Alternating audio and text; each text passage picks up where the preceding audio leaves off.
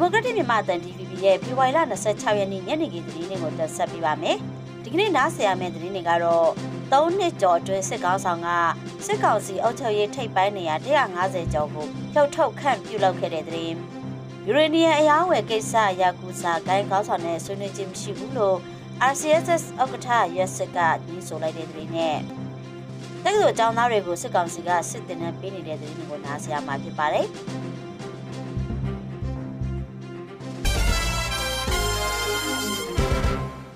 ဆီယနာသိန်း3နှစ်ကျော်ကာလအတွင်းစစ်ကောင်စီအုပ်ချုပ်ရေးထိပ်ပိုင်းနေရာတွေကလူပေါင်း150နှစ်ယောက်ကိုခန့်အပ်ထုတ်ပယ်နေရာရွှေ့ခဲ့တယ်လို့ ISP မြန်မာအဖွဲ့ကထုတ်ပြန်ပါတယ်။စစ်အုပ်ချုပ်ရေးရန်နေရာထဲမှာပါဝင်သူတွေကိုစစ်ကောင်းဆောင်တွေကအပြောင်းလဲလှုပ်ဆောင်ခဲ့သူတွေထဲမှာ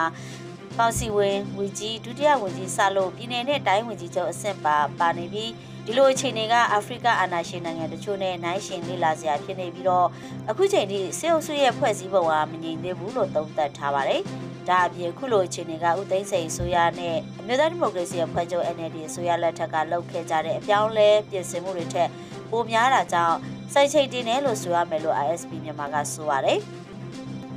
သုံးနှစ်အတွင်းစစ်ကောင်စီကိုပြင်ဆင်ဖွဲ့စည်းတာ၄ကြိမ်ရှိခဲ့ပြီးနေရအပြောင်းလဲ22ကြိမ်အနာပေးခဲ့ရသူ15ယောက်ထိရှိခဲ့ပါတယ်ရှင်။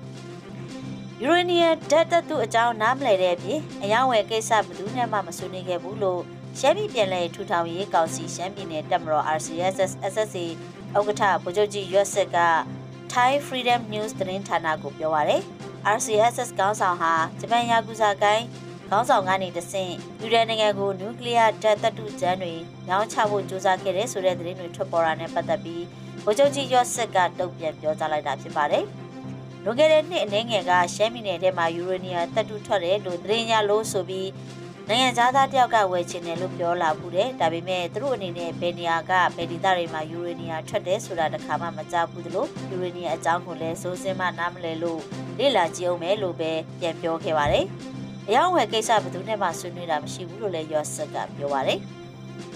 ဒီနေ့နဲ့တိုင်းဒေသကြီးတွေမှာတက္ကသိုလ်တက်နေတဲ့ကျောင်းသားကျောင်းသူတွေကိုတက္ကသိုလ်လက်ကျင်းရေးတက်ခုနှစ်ခုကစစ်တင်နဲ့ပေးနေတယ်လို့လက်လာရေးတက်တဲ့နှိစက်သူတွေစီကလည်းသိရပါတယ်။ပသိမ်တက္ကသိုလ်မှာဖေဖော်ဝါရီ9ရက်ကပသိမ်မြောင်းမြမှုဥပြီးညောင်တုံးကြောင်ကုန်းကြုံပြော်နဲ့ဒနုဖြူမြို့နယ်တွေမှာပြည်ကလေးလတွေကစစ်ကောင်စီကနေမြေခံတိုင်ရင်တွေမှာ အခြေခံစစ်တင်နဲ့ဖွင့်လှစ်တင်ကြားပေးနေတာဖြစ်ပြီးမကြခင်တင်နန်းဆင်းတော့မယ်လို့ကျောင်းသားတို့ကပြောပါတယ်။နိုင်ငံရေးပေါ်အခြေအနေနဲ့ကြုံလာပါကစစ်မှုထမ်းနိုင်ဖို့အတွက်ရည်ရွယ်ပြီးတက္ကသိုလ်ကျောင်းသားကျောင်းသူတွေကိုဖေဖော်ဝါရီလမှစတင်ကစစ်တင်နန်းပေးနေတာလို့လေ့ကျင့်ရေးတက်တဲ့ညီဆက်တူကပြောပါတယ်။စစ်တင်နန်းတွေကိုမတက်လို့သူတွေအနေနဲ့ငွေကြေး10နဲ့ချီကပေးရတယ်လို့လည်းပသိမ်တက္ကသိုလ်နဲ့ညီဆက်တူကပြောပြပါတယ်ရှင်။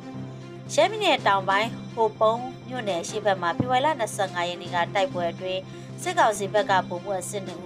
ဗိုလ်ကြီးစစ်3ဝက်ပါဝင်16ဦးသေဆုံးခဲ့ကြောင်းဘိုးမြို့သားလွတ်မြောက်ရေးတပ်မတော် BNL ကထုတ်ပြန်ကြေညာသိရပါတယ်။လုံခြုံရေးဆိုင်ရာလှုပ်ရှားနေတဲ့ BNL စစ်ကြောင်းကိုစစ်ကောင်စီကပြစ်ခတ်တိုက်ခတ်ခဲ့တဲ့အတွက်မနက်7:00နာရီကနေညနေ3:40မိနစ်အထိတိုက်ပွဲတွေဖြစ်ပွားခဲ့တယ်လို့ဆိုပါတယ်။ဒီတိုက်ပွဲအတွင်းစစ်ကောင်စီဘက်ကပုံမှုလူဗိုလ်ကြီး3ဝက်ပါဝင်စစ်ကောင်စီတပ်ဖွဲ့ဝင်16ဦးသေဆုံးတဲ့အပြင် MA လက်နက်ငယ်15လက်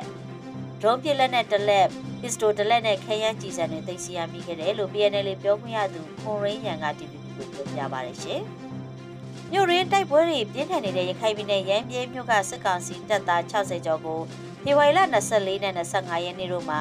ရှင်းလင်းသုံးတင်နိုင်ခဲ့တယ်လို့ရခိုင်တပ်တော်ရေးကထုတ်ပြန်ပါတယ်။ရဟတ်ရည်၄စီးနဲ့9ကြိမ်တက်တက်စစ်စစ်ကူချပေးခဲ့သောစစ်ကောင်စီတပ်ရင်းခုနှစ်ခုကအင်အား120လောက်ပါရှိတဲ့ပူပေါင်းစစ်ကြောင်းကိုရခိုင်တပ်တော်ကခြေမုံတိုက်ခဲ့ရမှာ